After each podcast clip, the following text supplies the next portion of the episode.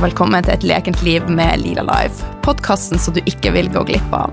Her får du de gode og hjertevarme tipsene for et lekent og balansert liv og helse.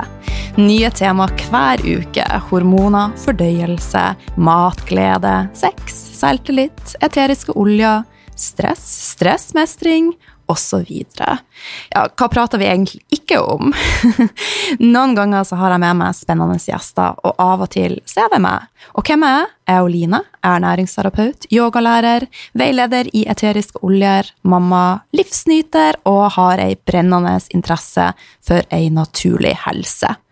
Jeg har vært alvorlig syk i mange år, og nå er jeg 43 år og faktisk mer vital enn noen gang. Livet, det leker lite grann. Mitt mål med denne podkasten er å vise at det er mulig å gjøre en stor forskjell med små endringer, brikke etter brikke, steg for steg. Sharing is caring, og jeg blir så glad om akkurat du tar deg tid til å legge igjen en kommentar på iTunes. Det betyr at budskapet når flere, og gjerne tips en venn, naboen, en partner. Ja, du får lov å tipse faktisk hvem du vil. Et stort smil og en smask ifra hun Line Lila Life. Hei og velkommen til episode 26 av Et lekent liv med Lila Life.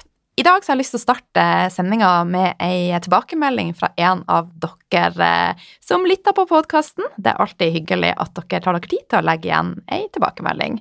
Så det her er fra hun Anhild, og hun har skrevet som overskrift 'Fantastisk' og gitt meg fem stjerner. Det setter jeg pris på. Tusen takk. Jeg har bare én ting å si. Det er at jeg elsker denne podkasten. Har lært så mye som har gjort at jeg nå skal endelig skal få orden på helsen min, så tusen takk, Line. I dag så har jeg med meg den søteste, men samtidig råeste dama som jeg vet om.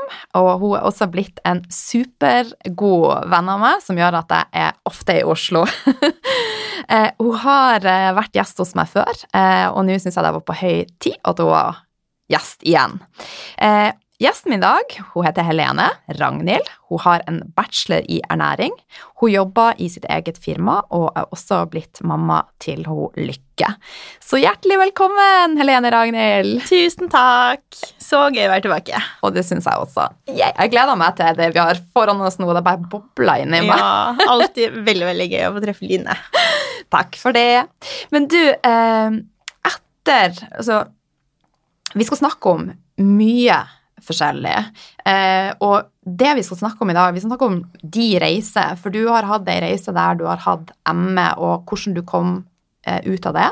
Vi skal snakke om hvorfor du valgte å jobbe med det du gjør. Eh, Helene sine beste tips til å gløde innenfra og ut. og også hva et glødende kosthold er, og hvilke matvarer som er i et glødende kosthold. Hvorfor hun alene mener at du må fokusere på mer enn bare det du spiser. Viktigheten med en smilende tarm. Og Helenes beste livsstilstips. Og ikke minst det å leve i takt med hjertet. Så hjertelig velkommen igjen, Helene. Aller først har jeg lyst til å spørre deg, hvordan starta du dagen din i dag? Åh, ja, jeg er veldig opptatt av morgenrutine, så vi står opp ganske likt hver dag. Det er jo øh, også pga. lykke, men jeg er A-menneske, så jeg tror jeg hadde stått opp cirka, Ja, rundt hvert fall innen seks liker jeg å stå opp hver dag. Oh my! ja, I dag var hun faktisk oppe øh, 6.30, så det var liksom sånn Åh, da har man sovet ut. Ja. som småbarnsmor. eh, og eh, da har vi alltid litt sånn kos på morgenen, og det er eh, Det føler jeg er så stas med å ha barn. Eh, og alt er selvfølgelig hvordan du tenker over det. Så noen kunne sikkert tenkt sånn Å, gud, så slitsomt å bli vekket så tidlig og sånn, men vi syns det er kjempekoselig. Og jeg passer alltid på å drikke et lunkent glass vann. Det høres ikke så deilig ut, men jeg har alltid noe godt oppi. Og det som det symboliserer, er vel så viktig for meg som effekten, og det er det at jeg gjør noe for meg selv helsemessig med en gang jeg starter dagen min riktig. Ja. Og det er kjempeviktig for meg. Enten så presser jeg sitron, eller så har jeg eplesidereddik, eller så bruker jeg litt eteriske oljer, f.eks. sitron eller ingefær. Så den har vi alltid, og så lager vi frokost og steller oss og er med lykke og spiser sammen. Ja. Hva er en typisk frokost for deg, da? Veldig ofte så spiser jeg smoothie til frokost, og øh, den har jo blitt øh, superpopulær nå. Og jeg får jo hver dag masse bilder av andre som drikker smoothien, så det er kjempegøy. Ja. Eh, men i dag så hadde jeg lyst på noe litt annet, så i dag så hadde jeg havreyoghurt med varme solbær og hjemmelagd granola. Veldig godt. Det hørtes veldig, veldig godt ut. Ja, litt sånn væravhengig, men man kjenner litt etter, være litt intuitiv med maten og kjenne etter hva man kjenner er godt. Men um, jeg kan jo si at til Lykke og Jon Anders så lager jeg havregrøt hver morgen, som er uh, syrnet og bløtlagt, og så rører jeg inn egg og sånn for at det skal bli ekstra sunt. Så noen ganger spiser jeg det med de, men som regel så er det enten smoothien min eller uh, noe som er mer Helene-mat, enda mer Helene-mat enn havregrøt. Ja. Men syns eh, de at den havregrøten er god, eller er det sånn at du må nesten tvinge deg i det? Nei, de spiser det eh, gjerne. Jeg må Ja. være forsiktig når jeg gjør sånne små endringer. Ja. Når jeg først begynte å på en måte fermentere grøten, så sa jeg ingenting, og så gikk det liksom noen dager, og så var jeg sånn, har du merket noe med grøten? Så bare nei, så bare, jeg har fermentert den! og da blir det kanskje litt sånn bare, sånn, nei, han er fornøyd, altså. Og etter at vi fikk barn, så er jeg så takknemlig for dette, for jeg føler at enten så kunne det gått den veien at han hadde låst seg og blitt sånn, nei, jeg vil at hun skal spise vanlig mat, det sa han mye før, Um, men han har faktisk åpnet opp og blitt mye mer interessert, og jeg kan forklare han ok, hvorfor ikke f.eks. vanlig kjøpebrød er så gunstig å spise så mye av. Han bare ok, eller omega-6 snakket vi om her en dag. Han var sånn ah, ok, da skjønner jeg hvorfor hun ikke skal ha så mye majones. Sånn, ok, liksom, da skjønner jeg. Så det er kjempegøy, og det er jeg så takknemlig for. Ja, Så bra. Mm. Så du har en veldig sånn bevisst fremgangsmåte for hvordan du faktisk gjør dette. For jeg tror at med en gang man begynner å dytte noe over hodet på andre mennesker, så blir det motstand. Ja, Ja. og det var det nok liksom for meg når jeg først oppdaget mat og mat som medisin, så var jeg sånn Holy smoke, dette er amazing, og alle i livet mitt, jeg kan fikse dere, bare vent. det var ikke så populært.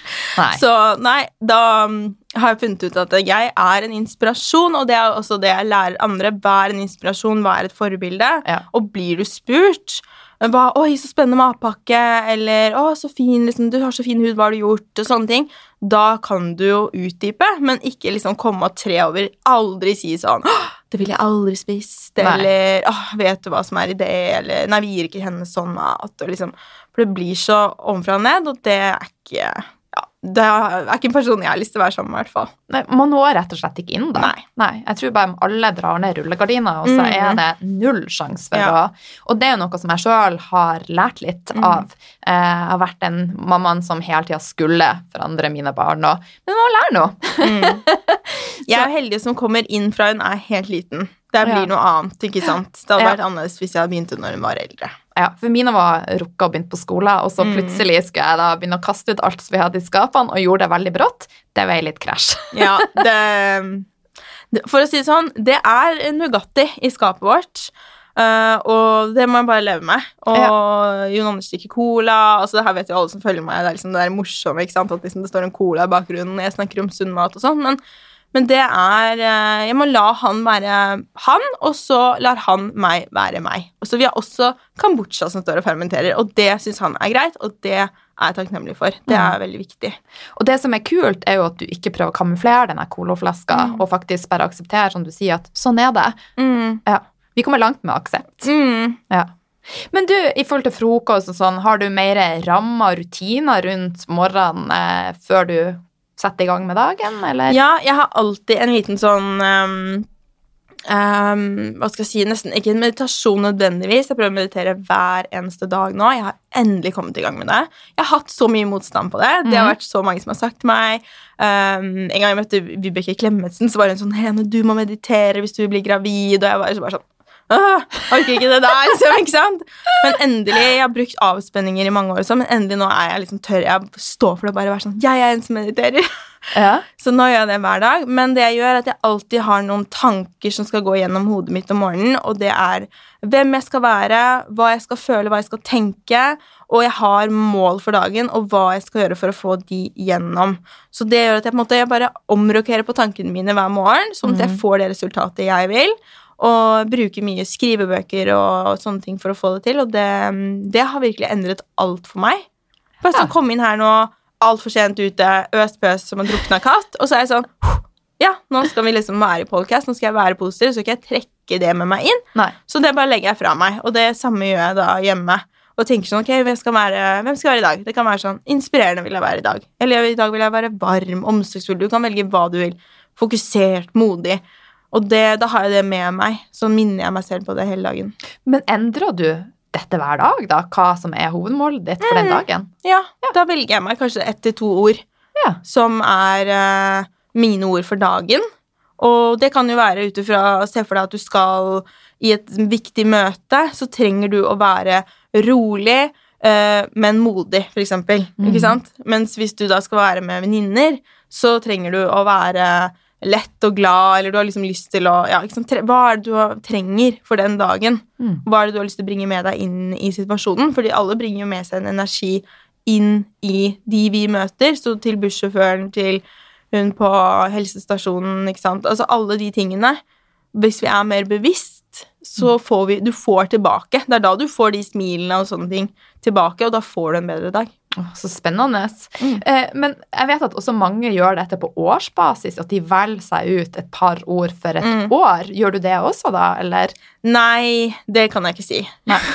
Men jeg føler at det er litt sånn som man har livet går litt i sesonger. Ja. At nå har jeg jo vært i en sånn sesong hvor jeg har vært veldig mamma. Og da jeg ble gravid etter prøverør og sånn, så var jeg sånn Endelig er det mamma. Nå liksom, jeg bare fjernet mange andre ting, så det var veldig rolig på jobb og sånn, og jeg trengte det å være hjemme med henne og liksom bli sånn grounding. Mens nå er jeg veldig fokusert tilbake i jobb og syns det er kjempegøy. Det betyr jo ikke at jeg ikke er masse hjemme og sånn, men jeg bare er mer i den sesongen. Ja. Så det ikke sant at livet er ikke hele tiden én ting. Nei. Så det føler jeg kommer litt mer av seg selv. Mm. Høres logisk ut. Mm. Men du, eh, mange som hører på podkasten, vet hvem du er. Eh, noen vet kanskje ikke hvem du er. Kan ikke du fortelle oss litt mer om deg sjøl, litt om bakgrunnen din, og ja Fortell! Ja. Nei, um, jeg er uh, født i Bærum, faktisk, og så har jeg bodd masse forskjellige steder, så jeg er egentlig ikke sånn fra veldig noe, men jeg føler at jeg er fra Oslo, for det er der jeg har bodd lengst, og det er der også vi har et hus nå, eller foreldrene mine, som er, ja, det er der jeg føler mest tilhørighet. Uh, og så ble jeg som veldig ung opptatt av uh, mat og ja, ernæring, hvordan maten påvirker kroppen vår og helse.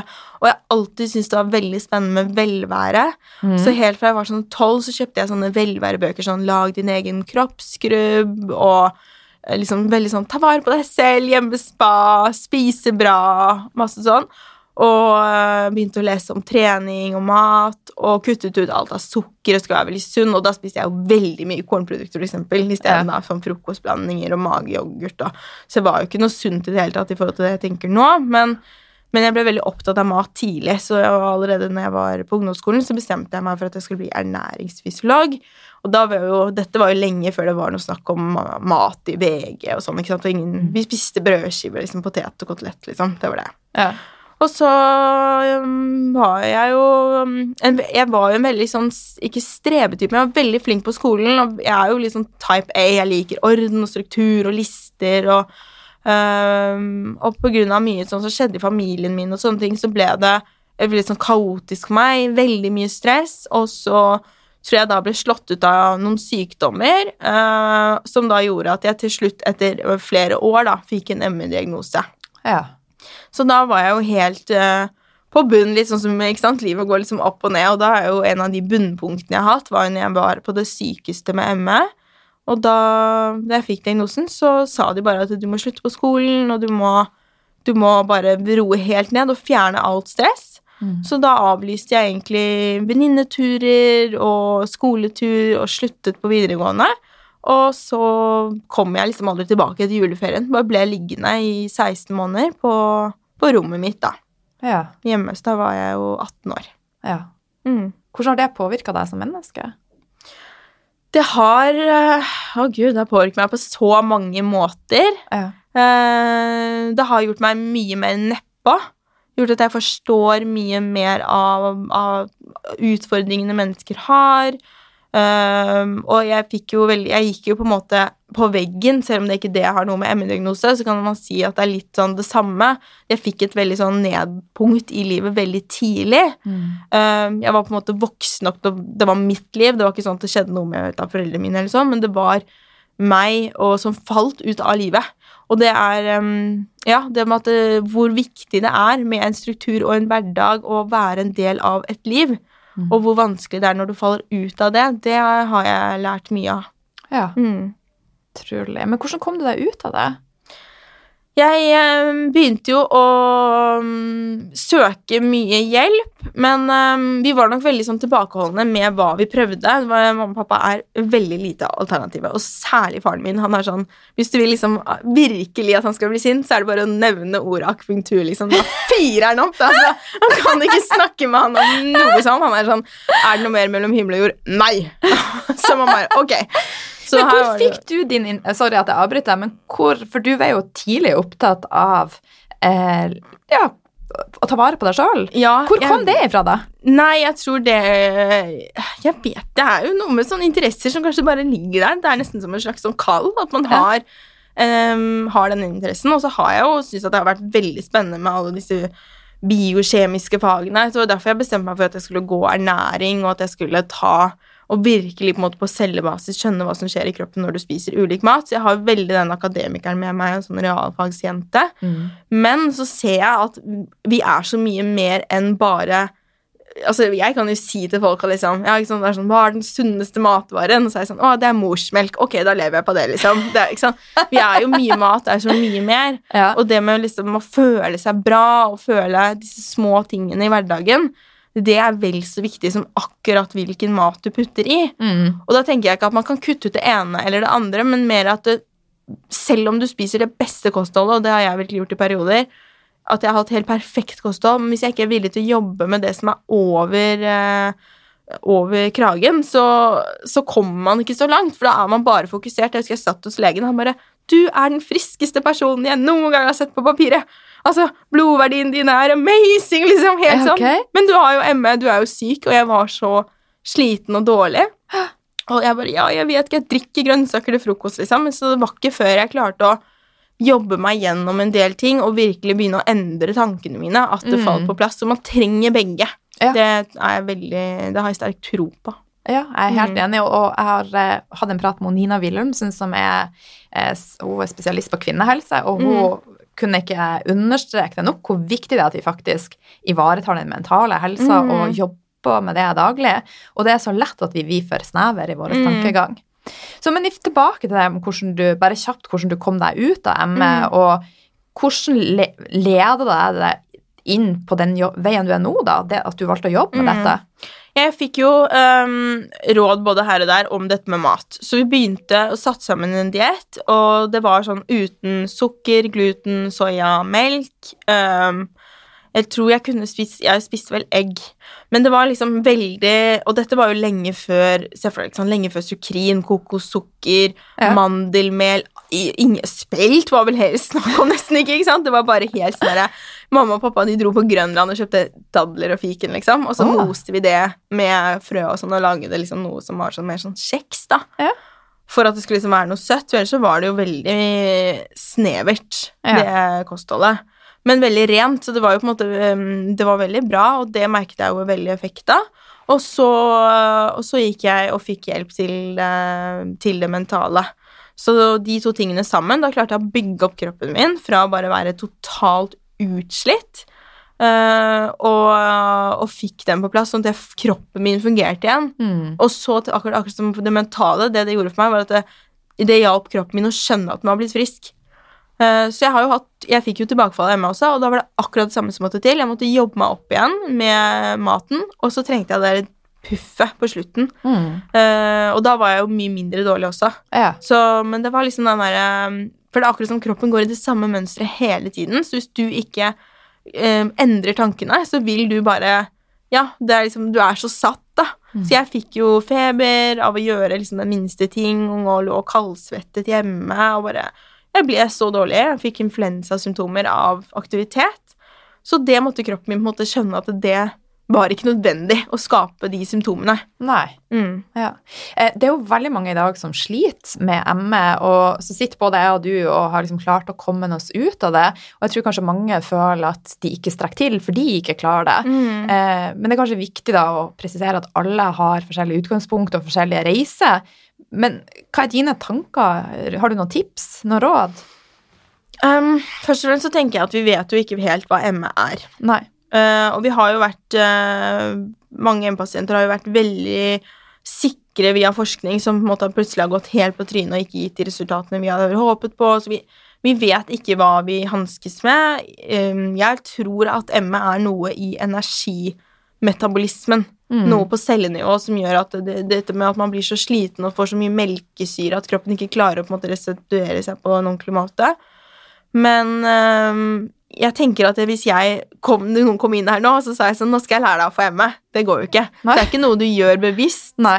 Og det, eh, til, det jeg tror er grunnen til at mange er så ømfintlige på det med, liksom, med ME, at det er en sånn litt sånn eh, verkebill av en diagnose, det er fordi at man blir ikke trodd.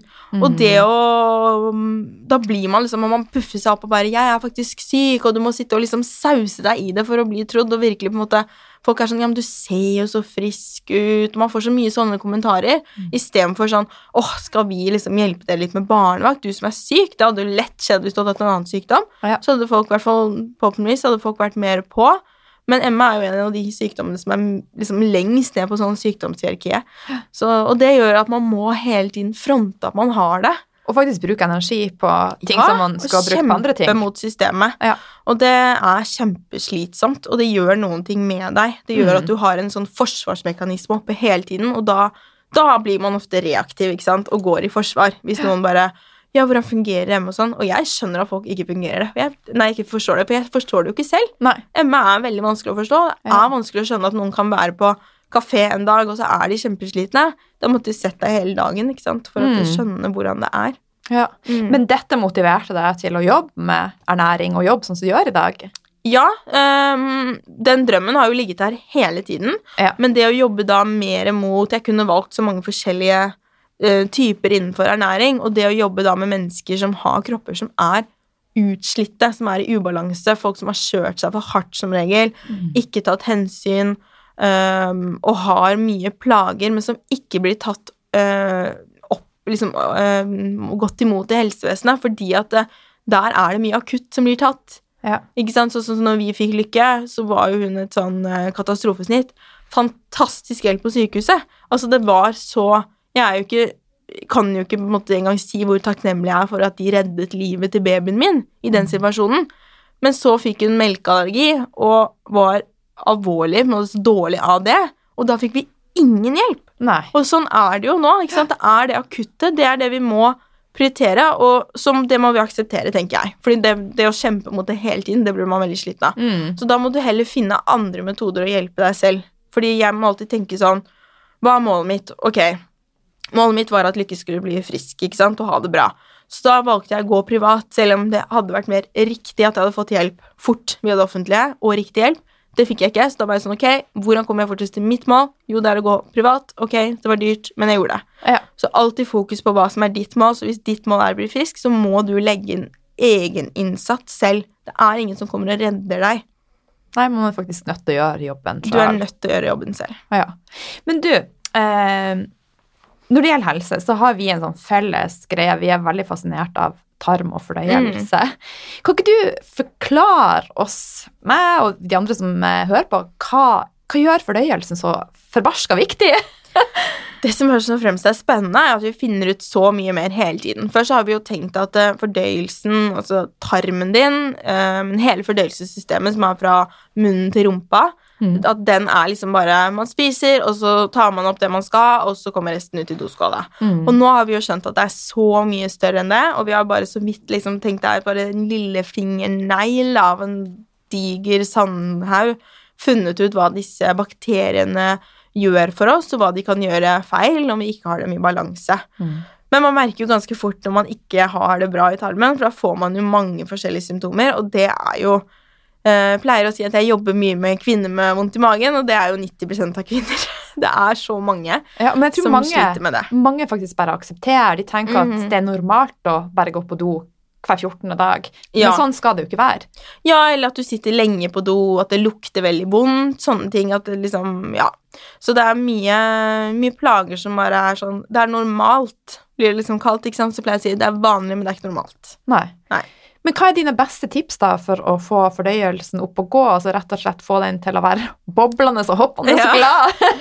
Det er egentlig, vil jeg si, å begynne på toppen og jobbe deg nedover. Så Mm. begynne med å tygge maten, eller enda et steg før det, begynne med å finne matro før du, eh, når du skal um, spise, fordi at det er så viktig at du er i riktig type del av ditt nervesystem når du spiser. Du skal være i det vi kaller for rest and digest, det parasympatiske nervesystemet. Da kan vi få blod til fordøyelsen. Det er da vi kan faktisk klare å fordøye maten. Så når du spiser, når du er stressa uh, Se for deg at du sitter ved pulten og svarer på mailer, og det tikker inn masse stimuli hele tiden, og så skal du sitte og spise. Det er ikke noe god tid for deg å fordøye maten. Så det er liksom første steget eh, for å få bedre fordøyelse av bare ting du kan gjøre uten å engang endre hva du spiser. Så er det det å tygge ordentlig. Magen har jo ikke tenner, så vi må tygge ordentlig. Og magen, altså maten din skal egentlig være som suppe når du svelger den. Du skal tygge veldig godt. Så skal den komme ned i magen og bli bearbeidet og sånn. Så da er det jo neste steg er magesyre, å finne ut om du har nok magesyre og jobbe med den. Og så er det tarmen, og der er det enzymer Så det liksom jobber seg nedover, og så tarmbakteriene til slutt, da. Ja. Eller nesten til slutt. Helt til slutt så er det sittestilling på do. Hvis du setter deg med en liten krakk under doen Ja. I USA, hvis du googler eller går på YouTube og søker på squatty potty, så kommer det opp noen veldig morsomme filmer. Og da er det liksom når du sitter på huk eh, Det ser man jo på barn også. Sitter på huk og, og bæsjer. Da får du en eh, mye bedre eh, liksom anatomisk riktig sittestilling for å gå på do. Så du kan rett og slett gjøre noe med hele prosessen uten å endre hva du spiser. Bare ved å endre måten du både spiser og går på do. Så du tenker at for de som sliter med f.eks. For forstoppelse, burde få seg en sånn? Ja, kjøp deg en liten krakk på Claes Olsson, og så Ja. setter du den under doen, sånn at du har føttene på den når du sitter på do. Ja. Det hjelper masse. Ja, jeg, bruker, jeg er jo veldig personlig i denne podkasten. Jeg har ikke en sånn, men hvis jeg kjenner at jeg har litt problemer, så løfter jeg bare føttene litt opp på veggen. Ja, ja. Hvis du har en liten dos, så kan det hvis det er lite vann. Men det er veldig greit å få liksom, den, fordi da i forhold til å få hemoroider også, så er det Ja. veldig mye lettere å få hemoroider hvis du sitter og prester med feil stilling. Og det er rett og slett en sånn muskel som går eh, på tarmen, som gjør det. Som Ja. måte stenger av når man sitter i feil stilling. Og det sier seg litt selv, for hvordan skulle liksom gått Hvis du skulle gått på do i naturen, da. Ja. Se for deg at du bare Ok, nå må jeg bare, når du er på skogstur. Ja. Hvordan hadde du gjort det? Du hadde jo satt deg ned i en skott. Du hadde jo ikke satt deg på en stubbe, liksom. så det er helt naturlig. Så ganske sånn intuitive ting, egentlig. Og Ja. det er sånn mange som sier til meg sånn Ja, ja, tygge, ikke sant? Men så gjør man det ikke. Nei. Det er liksom sånn, det er så enkelt steg å ta. Eh, en annen ting er jo det å ikke drikke for mye til måltider. For vi har jo ca. Jeg tror det er 1,2 liter fordøyelsessafter i døgnet, eller noe sånt. Det er ganske mye. Ja. Eh, men den kommer jo ut når du har spist, og der er det enzymer, og det er eh, galle, syre Alt det her er jo liksom forskjellige deler av fordøyelsen. Men den blir veldig vannet ut når du drikker masse til måltider. Så liksom det der liksom gamle rådet om å liksom drikke mye, for da fyller du magesekken, og så blir du så, spiser du ikke så mye, det er veldig lite gunstig for fordøyelsen. For da ser du ser for deg liksom at maten din skvulper rundt Mm. inni fordøyelsen, og da kommer jo ikke den da kommer jo ikke um, de eh, saltene og sånn til Nei. hvor de skal fordøye. Nei. Da er det helt tilfeldig om de treffer på en liten matbit, liksom. Ja. Hvis de får jobbe i den mer sånn uh, sammensatte massen som er mer kompakt, så blir det mye, mye lettere for deg å fordøye. Mm. Så Du- ikke mellom. Det er jo mange ting som er også er med å sette ned produksjonen av enzymer, annet stress. Og så Mm. er det jo også, med alderen så går også produksjonen ned. Ja. Hva er dine beste tips da for å stimulere våre egne enzymer og også magesyre? Altså, det hjelper jo å få magesyren opp for å få mer stimuli av enzymer. Um, du kan jo også ta tilskudd av enzymer. Mm. Um, men det er liksom det er så, det som, jeg, som jeg har hørt på podkasten din, der er det jo veldig mye forskjellige meninger. Ja. Det er jo samme med pre probiotika. At noen er sånn Nei, det er tull, ikke sant? Og man bare, mens andre er sånn Det er the shit. så man må jeg, Der er jeg liksom ikke helt sånn uh, jeg, jeg føler ikke at jeg har gått dypt nok i det. Nei. Øh, men jeg tror um, det er, Jeg tenker at det er helt sikkert noen enzymer som funker. Tror ikke du det? Jo da, jeg bruker jo. enzymer. Uh, men det som, eh, som er en sånn felles enighet ut fra det som jeg har hørt, er at alt av prebiotisk mat er gunstig. Ja. Og det å nære våre egne tarmbakterier. ja. Ja. Og det er jo veldig sånn vindu for meg nå med, med barn. ikke sant? At jeg har sånn Opp til tre år er jo da tarmen mest setter seg. Så jeg er jo veldig opptatt av å la henne liksom gå sånn krabbe rundt i den grad hun krabba. da. Ja. Uh, På senter og sånn. Og vi bruker jo aldri antibac. Uh, vi vasker hender, men vi er ikke sånn Altså Antibac er bare Det skjer ikke, liksom. Ikke Nei. ta det i nærheten av mitt barn. Så, Så du prøver rett og slett å bygge opp den ja, og så at hun skal få i seg masse forskjellige typer grønnsaker, belgvekster, alt som liksom gir voksne nå problemer hvis man ikke har spist det. Sånn som jeg prøver å si til Jonna Å, kan vi ha linsesuppe? Han bare Å, prompesuppe, liksom. og jeg bare Ja, men da må du jo ha det, ikke sant? Fordi da betyr det jo at du har ikke disse bakteriene. Du, har, du må begynne å mate de bakteriene, men du, du må bare håpe da at de fortsatt er der. Noen av de, sånn at du kan begynne å få de til å florere. Ja. Så tarmbakteriene er Du kan se for deg en kjempestor eng med masse forskjellige villblomster, og så har jo du lyst til at den skal være finest mulig, så du må liksom gjødsle med forskjellige ting som passer til de forskjellige blomstene, og vanne og og liksom nære den, da. Gi den kjærlighet, rett og slett. Tarmen har jo vært liksom sånn Bare helt glemt. Man bare åh, ja, den derre slangen nedi kroppen, liksom. Den har Ja. ikke så mye å si. Ja. Men det er Ja. Vi må være snille med den. ja, og så føler jeg så mange ernæringseksperter er veldig sånn Det er bra nok. Men så har folk så mange plager. Og jeg er helt enig om at man ikke skal stresse om man ikke har goji bær, eller om man liksom ikke får i seg absolutt alt som vi snakker om. Og jeg tror det også sånn når man leser mye blogger og sånn, så blir det sånn hvis jeg skulle skrevet hver dag sånn 'spis variert', da hadde det blitt Ja. samme blogginnlegget hver dag. Så jeg er jo nødt til å trekke fram forskjellige ting, og jeg syns det er gøy å snakke om trender, og nå er det sånn, og nå er det sånn. Men eh, så skal andre liksom tråkke veldig på det, og det tror jeg bare er fordi man blir så frustrert, for folk lar seg så overvelde, og så gjør de ingenting. Men det er selvfølgelig det enkleste er jo det beste. Det å få i seg mye forskjellige grønnsaker, frukt, bær, også rotgrønnsaker, og, å spise bra kvalitetsmat. Det er det viktigste for tarmen din, men det at det er viktig å få i seg alle disse vitaminene og mineralene og sånt som ofte vi snakker mye om, da, at liksom, å, denne matvaren er rik på det og sånn, det er jo viktigere, tror jeg, enn enn vi tror. Jeg tror folk får i seg dårligere mat enn en vi kanskje mannen i gata er klar over. Og så Ja. tenker vi at vi spiser sunnere enn vi gjør òg. Ja. Tenker at vi spiser masse grønt, men så gjør vi egentlig ikke det.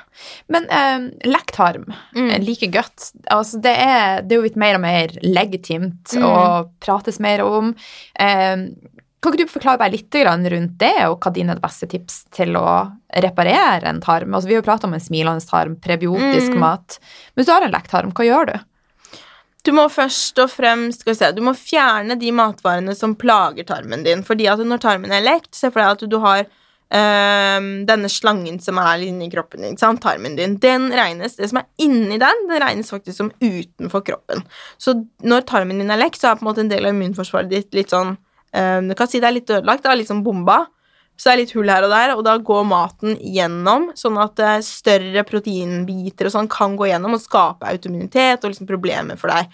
Og det som er med lekt tarm, er at tarmveggen er bare e- ett cellelag tykt, så det er liksom ingenting. Det er sånn den er jo så skjør, man må Ja. jo bare være veldig forsiktig. Og det er fordi at um, den holdes sammen med noe som heter tight junctions. Og det er fordi at det, i tarmen din skal det jo kunne komme ting gjennom. Så det er masse fantastiske porter.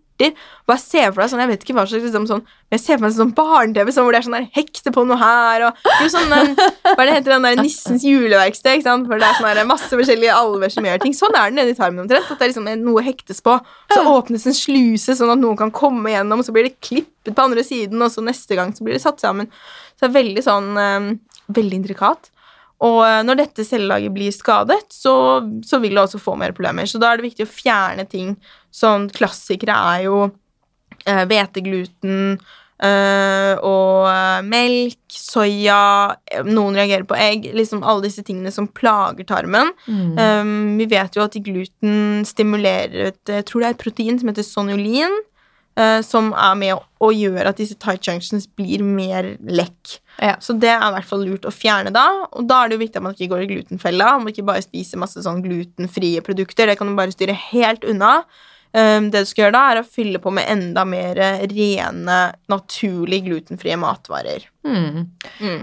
Og der tror jeg jo folk kompliserer eh, veldig. Så vi skal komme litt tilbake til det, for du brenner veldig for et glødende kosthold. Så det passer jo fint å prate om det, for jeg tenker at Mm. et glødende kosthold kan absolutt være med å reparere tarmen. Ja, så fortell litt om et glødende kosthold. Nei, det handler egentlig om um, ja, mat, altså maten som får deg til å gløde, som får deg til å føle deg bra, som virkelig Jeg er basert det ut ifra hvordan jeg har lyst til å føle meg, og det er jeg vil føle meg bra hele tiden. Jeg vil føle meg lett uh, og liksom ha energi, og energi til alt det jeg har lyst til, og føle meg litt våken om morgenen, og så har jeg lyst til å ha fin hud og føle at andre liksom er sånn Wow, du gløder, du sprudler, ikke sant? Ja. Litt sånn der, ja, at liksom, ja, jeg føler meg kjempebra, og det merker jeg også når jeg spiser riktig mat, hvor Mm. mye det har å si. Jeg blir veldig sånn hangry hvis jeg ikke har spist. Mm. Um, og det, så det å ha, eller jeg må ha jevnt blodsukker, ikke sant? Og alle disse tingene har jeg jo sett at det, dette gjelder jo alle, det er jo ikke bare meg. Så da har jeg jo uh, satt det inn i et system for å måtte spise mat som er veldig sånn naturlig, næringsrik, jakte på næring. Eh, det er absolutt ingen kaloritelling. Jeg er veldig opptatt av det å på en måte bli glad i kroppen sin igjen. Der jeg har måttet gjøre en kjempejobb.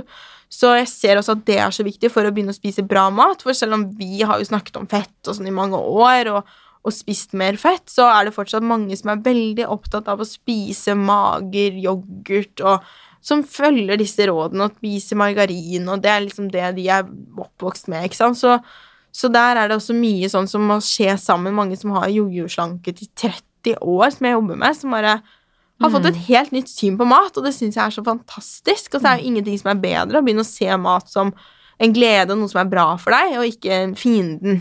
For det er trenger ikke. ikke å være så utrolig komplisert. Nei. Eh, Så kan ikke du dra frem altså, noen matvarer som du tenker et glødende kosthold bør bestå av? Ja, da er det jo veldig dette med tarm. Så det er jo Kraft er jo en sånn hjørnesten i kostholdet, og jeg begynte med kraft faktisk Jeg leste om det på masse forskjellige blogger, eh, også amerikanske, og så leste jeg om det på bloggen til Gry Hammer. Eh, hun var jo en av de liksom tidlige, og deg fulgte jeg jo enda før det igjen. Og, eh, og så sa jeg til mamma sånn Jeg må begynne å lage kraft, fordi det står masse at det er bra for tarm, og da var jeg jo syk. Og så var hun sånn Ja, men det kan jeg gjøre, fordi det lærte jeg på husmorskolen. Har ikke gjort det på mange år, liksom, og bare gjort det sånn når vi hadde sånn fine sånn kalkun og sånt hjul, jul, da. Ja. Uh, så da begynte vi å lage det masse, og det har bare fulgt meg og gjort at jeg har følt meg så bra. Så det passer jeg på å få i meg hver uke. Så kraft det er kjempebra, for det inneholder masse betennelsesdempende aminosyrer og eh, aminosyrer som er bra for tarmen, for ledd, for huden, for hele deg, for søvn. Altså det er så mange fordeler med det. Og så smaker det veldig godt, så det gir mye mer god smak. Alt det her vet jo du, Line. Det er jo så gir jo liksom du, når, måtte, Ja. når jeg inviterer folk hjem på suppe, så er jo de bare sånn Wow, det her er ikke Tore-suppe. Kan ikke bare gå og legge seg. Det er jo fantastisk. Ja. Så, um, så det er kjempegøy. Og så En viktig ting her som jeg bare har lyst til å dra frem, er jo at det kan jo komme et eh, forskningsresultat eh, som er gjort, som viser at kollagen og kraft ikke er bra. Men der vil jeg bare oppfordre folk til faktisk lytte til kroppen sin. Mm. Og både jeg og du har jo erfart, erfaringsbasert, Mm. hva kraft faktisk gjør Ja. med tarm og Mm. hud og kropp og negler og Mm. you name it! Ja. Det er noen små forskningsstudier for eksempel på med det her med forkjølelse og, og kraft. Men det som er med ernæringsforskning som vi må huske, er at det kommer aldri til å bli Altså, det er så dyrt å forske. Ja. Uansett hva du skal forske på. Så de, de største forskningsstudiene som blir gjort, det er jo på medisiner, hvor man kan utvikle en ny medisin og tjene milliarder på det. Og det her er ikke noen konspirasjonsteori, det er bare snakk om at det er bunnlinja, og det er ingen som er sånn Å, hvis jeg forsker ekstremt mye på avokado, så kan jeg selge sinnssykt mye avokado. Det er sånn, Nei, du kommer sannsynligvis ikke til å selge noe mer enn mannen i gata, liksom. Så mm, det er eh, Og vi, og vi kan ikke liksom jeg husker jeg skrev bacheloroppgaven min om amming og fordeler med amming, og hvorvidt det å amme barn kan redusere risiko for cøliaki. Og da skrev jeg jo i oppgaven at vi kan ikke dobbeltblind, placebo-kontrollert amme et barn. Det kommer aldri til å være sånn at vi deler barna våre inn i f.eks. når de er født, og så deler man liksom 70 000 barn inn i en gruppe og 70 000 annen, og så følger man opp en med bra kosthold og den andre med ikke bra. Men så vet man jo ikke hva skjedde med kanskje ja, de spiste bra, men så ble, fikk de kanskje ikke nok kjærlighet, eller så Mm. røyka de. Så det er så mange faktorer. Mm. Så man kan ikke basere 100% bare på å vente på forskning. Hadde jeg ventet på forskning på ME, så hadde jeg sittet med ME ennå. Ja. Det var bra Mm. sagt. Takk. Så kraft, og så neste matvare. Um, bo, altså fermentert mat, det har jeg jo snakket masse om og brukt Ja. mye. Um, og enda mer nå har jeg jo blitt obs på som med deg, med det å trekke fram og også få i seg masse prebiotika. Så probiotika er jo de levende bakteriene man får i fermentert mat. Um, og så trekker man fram også disse syrene i den fermenterte maten. Det at det utvikles sånne organiske syrer som er gunstige for kroppen vår. Så fermentert mat, det har jeg fått masse mer energi av. Der føler jeg også den der gløden kommer. Det det er noe med det at mm, jeg vet ikke helt på detaljnivå faktisk akkurat hva, om det er noe sånn mellom hud og de syrene. Men jeg føler at når jeg får i meg det, så får jeg alltid mer av den gløden og liksom er klarere. Um, og så er det blodsukkeret stabiliserende. Så det å spise nok proteiner og fett til alle måltider er kjempeviktig. Å velge riktig fett. Jeg tar alle kundene mine gjennom eh, et oljeskifte. Så bytter ut alt av oljer og sånn de bruker, hvis de bruker feil, som de fleste gjør. Og får de over på ting som gjør godt og demper betennelse, og justerer mengdene og sånn ut ifra behovene, da. Mm. Mm. Ja. Men avokado, det er godt og sunt. Ja, avokado mener jeg er sunt. Men så er det jo nå, ikke sant, så er det sånn Å, avokado er ikke bra for klimaet. Så du vil alltid finne noe hvis du skal Ja. gå og lete etter det som er negativt. Mm. Du, altså, den som leter, den finner. Så Ja. uansett om du måte prøver å finne noe negativt, så vil du finne det. Mm. Og det er også noe med at du trenger jo ikke å spise seks avokado i uka. Mm. Du kan jo spise en halv avokado om dagen, eller mindre enn det også. Du kan på en måte variere hva du spiser. Bruk gjerne sesong. Um, jeg har masse mer karbohydrater i kostholdet mitt nå enn det jeg hadde før, og trives faktisk veldig godt med det. Så det er liksom å ja, finne ut hvor man ja, hvor, hva man kan inkludere, og hva man ikke trenger, og, og tilpasse det deg, for vi er forskjellige. Mm. Selv om vi på en måte har den samme anatomien, så har vi forskjellige belastninger og forskjellige systemer. Altså kroppen vår eh, kommuniserer kanskje ikke helt likt. Det er liksom, mat påvirker forskjellig. Vi har forskjellig hverdag, forskjellig energibruk. Så vi Mm. kan ikke spise helt, helt likt. Nei, og så må man jo også starte i en ende, og jeg og du har jo brukt mange år på å komme dit vi er, i Mm. dag. Så har du jo da kanskje Per og Kari som spiser Grandiosa og drikker cola, og som i morgen har lyst til å gjøre endring. Da kan det fort bli overveldende hvis man skal koke kraft, fermentere. Mm. Hvordan skal man komme i gang da? Hvordan ende ville du ha starta? Bare sånn enkelt forklart. Mm, altså, jeg tenker at eh, det beste er å starte med å legge ting til. Fordi at det er alltid mer motiverende enn å ta ting bort. Så jeg har eksempel en fantastisk eh, kunde som heter Lisbeth. Som bare, hun tok kurset mitt, og hun har begynt å eh, koke kraft. Ja. Og har fått så dilla på det, men hun drikker fortsatt cola. Ja. Jeg spør alltid sånn, har du sluttet å drikke cola? Nei, det har hun ikke da, for hun kaller det, det er livets vann, liksom. Det er samme Jonna. Vet, det er de to i livet mitt. da. Veldig herlige mennesker begge to. Men, eh, men hun har fått dilla på kraft og lager det masse. Og gjort liksom små andre endringer som gjør at hun føler seg bra. Så noen ganger, jeg tror det å ikke tenke at jeg, liksom, da må jeg bli sånn som Helene, som bare er sånn Oi, kambodsja, liksom. Syk gøy menu, kambodsjasmak. Altså, alle trenger jo ikke å ha den interessen der. Nei. Sånn som vi to er når vi er sammen og bare nerder om liksom ernæring. Alle trenger ikke å være der, men du kan Nei. gjøre små endringer der hvor det føles motiverende for deg. Um, men jeg tenker når du skal starte, det som jeg merker at veldig mange gjør, er at de tenker sånn Nei, nå skal jeg kutte ut sukker, ikke sant. Men så er det, de har ikke noe plan. De bare tenker sånn Jeg skal gå, jeg skal gå på viljestyrke, liksom. Fra nå, nå er det nok. Mm. Og så varer den liksom kanskje tre dager hvis du er skikkelig sterk, og så går du på større. Ja. Så du må ha en konkret plan for hva du skal gjøre isteden, og hva du skal spise. Og Det betyr ikke at du skal ha en sånn satt plan med akkurat hva du skal spise, men du, du må ha i ditt hode sånn Nei, men da gjør jeg sånn, da gjør jeg sånn, liksom. Ja, ok, i dag må jeg ha meg en lunsj. Ja, hva med det? Ok, liksom.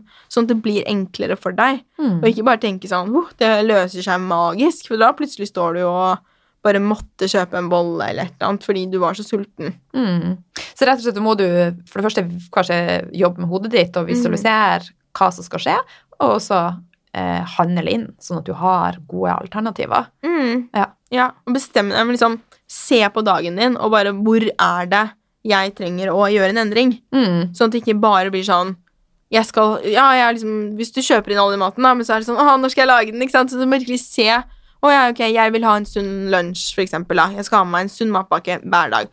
Ok, hva trenger du? Når skal du lage den? Hva skal du ha den i? Hvor lenge varer den? Skal du lage stor porsjon? Lage, bare bestem alle disse tingene. Mm. Fordi da slipper du å gå og ta valg hele tiden. For vi Ja. får sånn decision fatigue. Altså du blir sliten hvis du skal ta valg hele tiden. Det er kjempeslitsomt. Ja, sånn, og så på slutten av dagen så er det liksom da lurt å ha en plan på hvordan du skal på en måte roe ned før du legger deg, eksempel. Ikke tenke sånn at det finner jeg ut da. Jeg kan merke sånn nå som tiden min er så mye mer sånn eh, precious fordi jeg har eh, barn, så sånn når jeg har lagt henne på kvelden, så er det sånn åh, hva skal jeg gjøre i dag? Skal jeg liksom strikke og se på TV? Skal jeg jobbe? Skal jeg trene? Skal jeg gå tur med venninne? Skal jeg ringe venninne? Det er liksom blitt en helt annen ting nå, når tiden er mye mer knapp. Mm. Så det å ha en plan for hva jeg skal, det gjør at jeg føler meg så mye lettere, og det blir sånn mye enklere å bare suse. Jeg får gjort tingene jeg vil. Så jeg når det målet. Så det å ha et klart mål, men også da jobbe deg på en måte tilbake, kanskje, da, og finne stegene som du skal ta for å klare den endringen, det er kjempeviktig. Og så tenker jeg også at det er eh, Sånn som i går, så hadde ikke jeg planlagt supergodt. Jeg kom reisende fra Bodø, jeg hadde ingen mat med meg. Og jeg har veldig sjelden lavt blodsukker. Men da jeg gikk herifra, så hadde jeg det. Mm. Og da gikk jeg på Jeg bare tenkte nå må jeg gjøre noe. Så jeg gikk og kjøpte meg en boks makrell i tomat og spiste med skje. For det er jo faktisk blodsukkervennlig, Mm. Ja, ja. og det er en nødløsning som ja, ja, det er jo supert. Ja. Makrell i tomat er jo fint å spise, og det er kjempefint hvis man ikke har lyst til å ta omega-3-tilskudd, så kan man spise makrell i tomat. Og det trenger ikke å være så fordømt Det Nei. komplisert. Nei, Ikke i det hele tatt. De kan ta liksom, kjøp noen, et eple og noen nøtter, liksom. Det trenger ikke å være vanskelig i det hele tatt. Nei. Så vi må gjøre, slutte å gjøre ting så vanskelig, og, og slutte å sette så mange begrensninger for oss selv. Og så har vi jo veldig mange gode unnskyldninger. Altså, jeg har i hvert fall så mange gode unnskyldninger for ikke å gjøre ting som jeg har egentlig planlagt at jeg skal gjøre. Og det kan være alt fra 'nei, det regner i dag', ikke sant, og så kan jeg bare 'nei, jeg, jeg har jo barn, så jeg har jo ikke tid til det og det', og det er så mange gode grunner til ikke å gjøre ting, men så er det sånn Hva vil du ha igjen? Fokus på målet ditt. Mm. Så ja, kanskje frister det veldig da å bare slenge seg på sofaen og spise is, men så er det sånn, ok, men målet mitt er dette, og hvordan vil det føles å nå det målet? Ikke bare hvordan vil det føles i kroppen min når jeg spiser den gode maten, jeg tar de gode valgene, men hvordan vil jeg føle meg inni meg, og den selvrespekten man føler. Um, for det har også vært en stor del av min reise, det å skjønne at det å gi bra mat og ta gode valg, sette grenser for meg selv, jobbe med relasjoner, kjempe, kjempeviktig, det har også gjort at jeg får en helt sånn respekt for meg selv, at jeg gjør det jeg sier. Det har jeg lært veldig mye av coachen min. Og det, den, den gjør Det er så godt å kjenne etter. Mm. At liksom du bare Nei, jeg skal ikke ha kake i dag, liksom. Så har du på en måte Når du har tatt det valget, og du holder deg til det, så er det sånn Ah, det er veldig deilig. Det er helt Det føles ikke godt å gå andre veien. Nei. Det føles ikke godt å ha sånn Ja, jeg skulle ikke det, men så tok jeg is likevel, liksom. Og selvfølgelig er det sånn Jeg tror kanskje man kjenner på litt den der dragninga at det er sånn Ja, men jeg vil bare være en som liksom go with the flow, og jeg vil kose meg, ikke sant. Vi snakker om det hele tiden sånn Vi skal kose oss. Men hvor mye koser du deg når du liksom har gått opp fem kilo etter sommeren og føler deg tung og slapp, og alle klærne stramme, liksom? Det er jo ikke deilig, det. Nei. Og energi på bånn, og orker ikke å trene. Mm. Så det å holde liksom ankre inn den godfølelsen etter en treningsøkt, eller når du kjenner sånn Wow, nå har jeg faktisk gått en hel dag og kjent at magen min er helt rolig, og jeg kan bare ta på meg hva jeg vil. Før, sånn som nå når vi skal ut og spise etterpå, så hadde jeg vært sånn her, hva skal jeg ha på meg? Noe som skjuler den oppblåste gravidmagen min, liksom. Mens nå er det sånn Jeg tenker aldri over det. At jeg Nei. må ha på meg noe som skal skjule at jeg er oppblåst. Nei. Så den, noen ganger så må man minne seg selv på hvor langt man har kommet. Mm. Mm. Jeg er helt lik, men jeg har fått helt aversjon mot å bruke BH og stramme bukser. Så nå sitter jeg her og prater uten BH, og jeg kaster den. Det er deilig, da. Men du, når du eh, skal ha en dag for å bygge opp deg, for å få deg til å bare gløde og boble litt Mm. ekstra, hva gjør du da? Så det var så morsomt å lese spørsmålet, for jeg ble jo helt sånn derre Å, dra på spa med venninner, eller liksom øh, Men så kjente jeg sånn Å nei, jeg må jo sikkert si noe med barnet mitt! Så det var så interessant at man føler at jeg følte det. Ja. Um, men jeg kunne gjerne tenkt meg å ha hatt uh, Ja, si at står opp og spiser Vi, all, vi spiser alltid sammen om morgenen, og det, det, det syns jeg er veldig koselig. Uh, og så liker vi å ha liksom god tid om morgenen og drikke kaffe i sofaen og da alt sånn ordne håret til lykke, og så ser vi litt på barne-TV og sånn. og så at hun går i barnehagen, og så kan jeg ha eh, Kanskje jeg jobber noen timer, for jeg er veldig glad i jobben min, så jeg liker jo veldig godt å få jobba litt. Så Ja. kosejobbe. Noen som sitter og jobber blogginnlegg og sånn. Og så at jeg skulle da enten møte en venninne på lunsj, og så kanskje Ja, at vi liksom hadde god tid, vi kunne gå i byen litt, shoppe, titte litt, og så hjem og kanskje altså, grille med noen venner med barna og sånne ting på kvelden. Det er klart å, sånn, tjing, du klarte å lure inn litt barn. Ja, jeg lurte inn litt barn. Så jeg vil liksom ha barn, men jeg vil ha alt. jeg tror det hadde vært litt sånn perfekte sånn påfyll, masse påfyll. Ja. Lage masse deilig mat, sånn fresh sånn salat og hummus og grille og Hummus. Jeg har fått Ja. så dilla på hummus etter at du hummus. del av hummus Ja. både her og der. Fermentert hummus, det har blitt liksom eh, min favoritt hele tiden. Ja, det er. Supergodt. Vi skal spise hummus i kveld. Ja, Jeg gleder meg. Men du, du nevner at du er glad i jobben din. Mm. Hva betyr det for deg å jobbe fra hjertet? Det betyr alt. Jeg har jo aldri Altså, jeg har hatt deltidsjobber da jeg studerte, eh, men jeg har aldri hatt en vanlig jobb. Så for meg så var det helt uaktuelt når jeg var ferdig på ernæring, fordi det var egentlig ingen jobber, og de jobbene jeg eventuelt kunne søke på, liket sånn som du har jobba før, er jo at de da sier sånn Da må jeg anbefale folk å gå og spise margarin og bare liksom brødskive med mager uh, smørost, og det, det er jeg ikke villig til. Det Nei. kan jeg ikke. Sånn kan ikke jeg jobbe. Så det var ikke noe på en måte valg for meg. Eh, på en god måte. Jeg var jo helt sånn Jeg skal starte for meg selv, og det skal bare gå. Og jeg har ikke noe plan B. Så, så det gjorde jeg, og så lagde jeg Jeg begynte jo å blogge da jeg studerte, og syntes det var veldig gøy og givende å få lov til å dele. Og jeg har en veldig um, et ønske, liksom behov for å dele uh, med andre, og jeg setter veldig pris på følgerne mine. Jeg får så mye positivt, og nå som jeg er tilbake fra mammaperm, så kjenner jeg liksom at det blir mye mer, og det er så hyggelig. Mm. Jeg får så mye positivt hver dag, så jeg er kjempeheldig med det. Og så er jeg ikke noe flink når jeg får så negativt. Da er jeg sånn, å nei! Så er der må jeg jobbe. Og så kan jeg gå litt i forsvar, så der må jeg skjerpe meg. Men uh, ja. Eh, men i hvert fall så får jeg, jeg får veldig mye positivt, så føler jeg, jeg føler meg ofte misforstått hvis jeg får noe negativt. Så da blir jeg sånn, nei, det var ikke sånn jeg mente. Men, eh, men det Og så jobber jeg jo med å kunne hjelpe mennesker. Mm. Så jeg har en egen sånn folder i e-posten min som heter Wow, og der trekker jeg alle sånne e-poster som jeg får som folk som bare 'Jeg har et ME.' Jeg fikk en nå som er sånn 'Jeg er så Jeg føler meg så mye bedre. Det er helt fantastisk. Jeg har ligget i åtte år med ME, men etter at jeg begynte med kraft og begynte å høre på dine råd, så har jeg følt meg så mye bedre og er så takknemlig. og jeg er bare så glad for å få lov til å være en sånn bitte liten del av noens reise og få lov til å pushe dem. Og de siste årene etter å ha jobbet med mange kunder, så har jeg merket at jeg har blitt så mye tryggere. Jeg kjørte et kurs nå mm, i, i høst, og da fikk jeg jo eh, i våres, og da var det som, flere som skrev det til meg, som har gått kurset før, som var med igjen, som bare Å ja, liksom, nå merker jeg skikkelig at du liksom landet og blir så mye mer sånn trygg, at jeg tør å være mye strengere med kundene mine.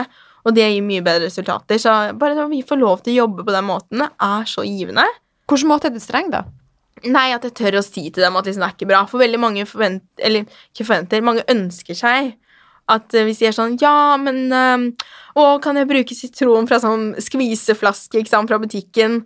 Og så, så følte jeg liksom først sånn Å nei, hvor streng skal jeg være? Jeg vil ikke være kjip, liksom. Men nå er jeg sånn Nei, det kan, du får ikke samme effekt. liksom. Du får ikke noe sånn godkjent stempel av, av meg på Nei. ting som egentlig ikke er bra for deg. Nei. Eh, og så sier jeg sånn Du velger helt selv, ikke sant?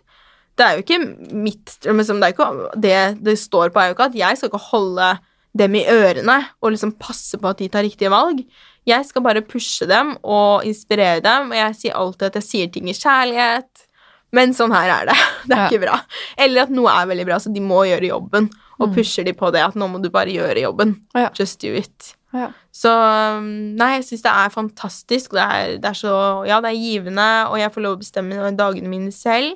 Og legge opp og øh, ja, bare være masse, Være inspirert i jobben min, og det Jeg kan ikke se for meg jobbe på en annen måte, egentlig. Nei. Mm. Men hva tror du det gjør med helsa å jobbe med noe som føles feil, og jobbe imot seg sjøl? Tror du det påvirker helsa vår? Ja, absolutt. Jeg tror at når du lever um, i sånn inkongruens eller hva det heter med verdiene dine, så tror jeg det er veldig skadelig for helsen.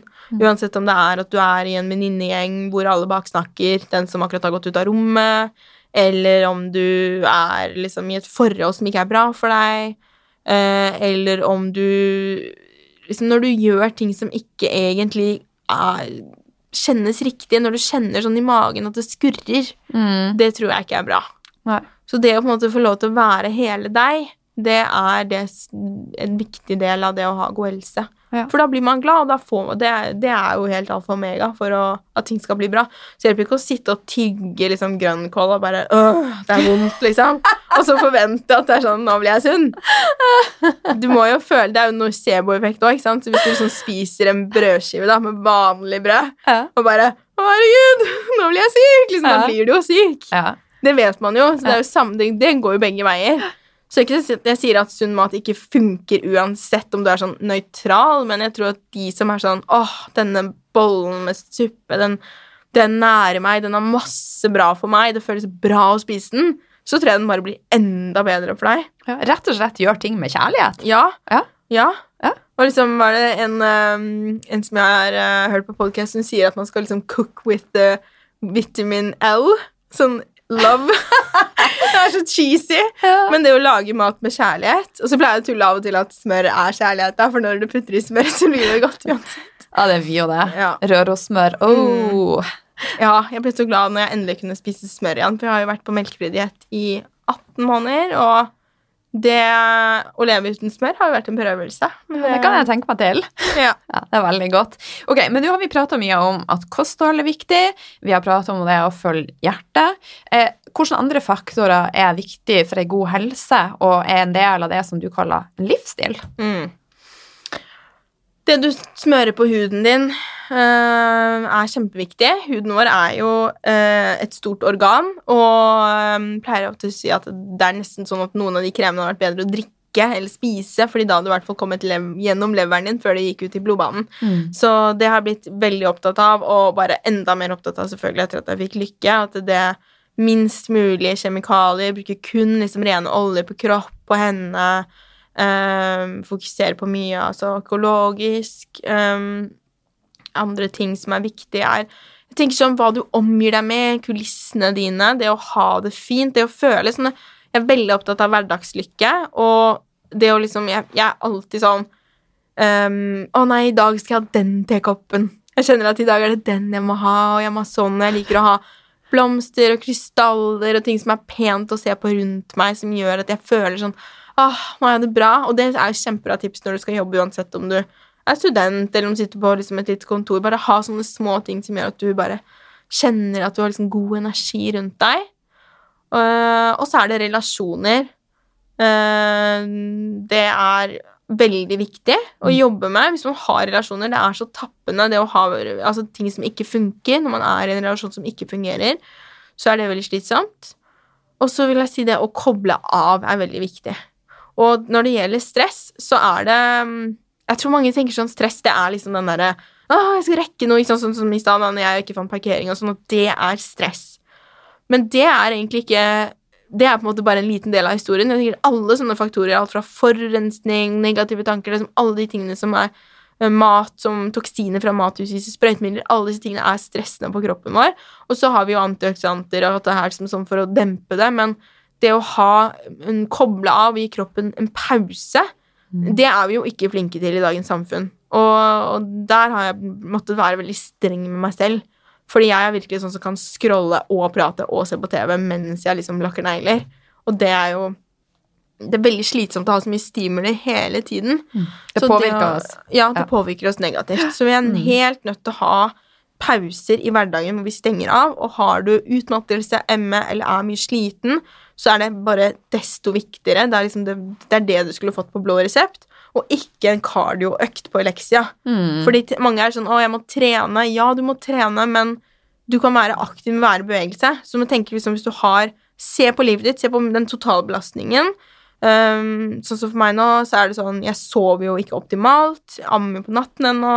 Og jeg har liksom alle disse sant, mye tid som blir borte pga. barn, og mye sånn ekstra rundt der, og da er det liksom litt fullt, og så skal jeg presse inn i tillegg en økt hvor jeg skal liksom stå og bare bli blodsliten, så klarer ikke jeg å restituere meg igjen. ikke sant? Da blir jeg for sliten. Så da merker jeg at nå er det bedre for meg å gå en rolig tur. Uh, prøve å legge inn aktivitet i hverdagen. En yoga, pilatesøkt hjemme. Noe som bare liksom får ro i kroppen. Avspenning. Eventuelt sove en time. Mm. er viktigere de dagene hvor det er mye, enn å presse inn trening. Så det er i hvert fall det rådet jeg gir til mine kunder. Men det er jo mange mange ting. Man må liksom rett og slett tegne opp et hjul med alle de tingene som er viktige for deg. Det er jo også gå til en coach hvis du ikke har prøvd det før, eller i terapi. Uh, og mange er jo sånn 'Å ja, det er så lenge ventetid, det er så dyrt', vi har masse unnskyldninger for å ikke gjøre sånne ting. Men det fins mye sånne små smutter hvor du kan få hjelp. Det fins helsestasjon, det fins DPS, det fins familievernkontor. Det er mange liksom, ting man kan prøve for å få hjelp litt fortere. Hvis du trenger bare noen å prate med og sortere litt tanker med. Mm. For det kan også være veldig forløsende på helse. Absolutt. Mm. Og bare det å skrive takknem takknemlighetsdagbok er helt mm. gratis. ja, det er helt gratis. Det kan man gjøre hver dag. Ja. Mm. Um, tida hun flyr når jeg og du skravler. uh, helt på tampen, sånn, uh, er det noe som jeg har glemt å spørre deg om, som du tenker er kjempenyttig for lytterne å få, få høre? Så du bare vil dele? Nei, altså vi snakket jo litt om det med å starte, og hvis man har én ting man skal starte med, så er det, tenker jeg, at start med frokosten. For den setter hele dagen. Så uh, har du ikke smoothieguiden ennå, så må du ha den nå. Så jeg ville absolutt uh, teste ut en smoothie. Det er veldig enkelt å lage og metter kjempebra og lenge. Og inneholder liksom alt du trenger og kan ta med på farten. Du kan til og med lage den dagen før. Så det er uh, mitt sånn på tampen-tips, er å sjekke ut smoothieguiden, så ja. du får den. og ta, Velg deg én ting av det vi har snakket om, og implementer. Ta med mm. deg liksom den ene Om det er kraft eller takknemlighet eller Men jeg tror mange da tenker at eh, de er nødt til å spise forskjellig frokost hver dag, og mm. det er vel en myte. Det er en myte. Ja, så mm. du kan fint innta smoothie hver eneste dag og få det du trenger. Ja. ja. Mm. Så rett og slett også prøve å eh, gjøre ting enklere. Ta et skritt om gangen. Eh, og bare jobbe målretta mot det man ønsker. Mm. Ja. Absolutt. Men hvor kan folk uh, finne tak i deg, Helene? HeleneRagnhild.no, og så er det Helene Ragnhild på Instagram. Og um, ja, det er vel der. Jeg har, har litt sånn YouTube og sånn også. Men mest, nå er jeg mest på blogg og Instagram. Ja. Og så uh, på, på, disse guidene mine og sånn, så, så, sender jeg jo mailer også. Da får man jo ekstra tips der. Mm. Så nå er det jo bare én ting å si, og det er jo klar, ferdig, glød. Ja. Tusen takk for at du var med meg i dag. Det var superhyggelig og artig som alltid. Takk for at jeg fikk være med.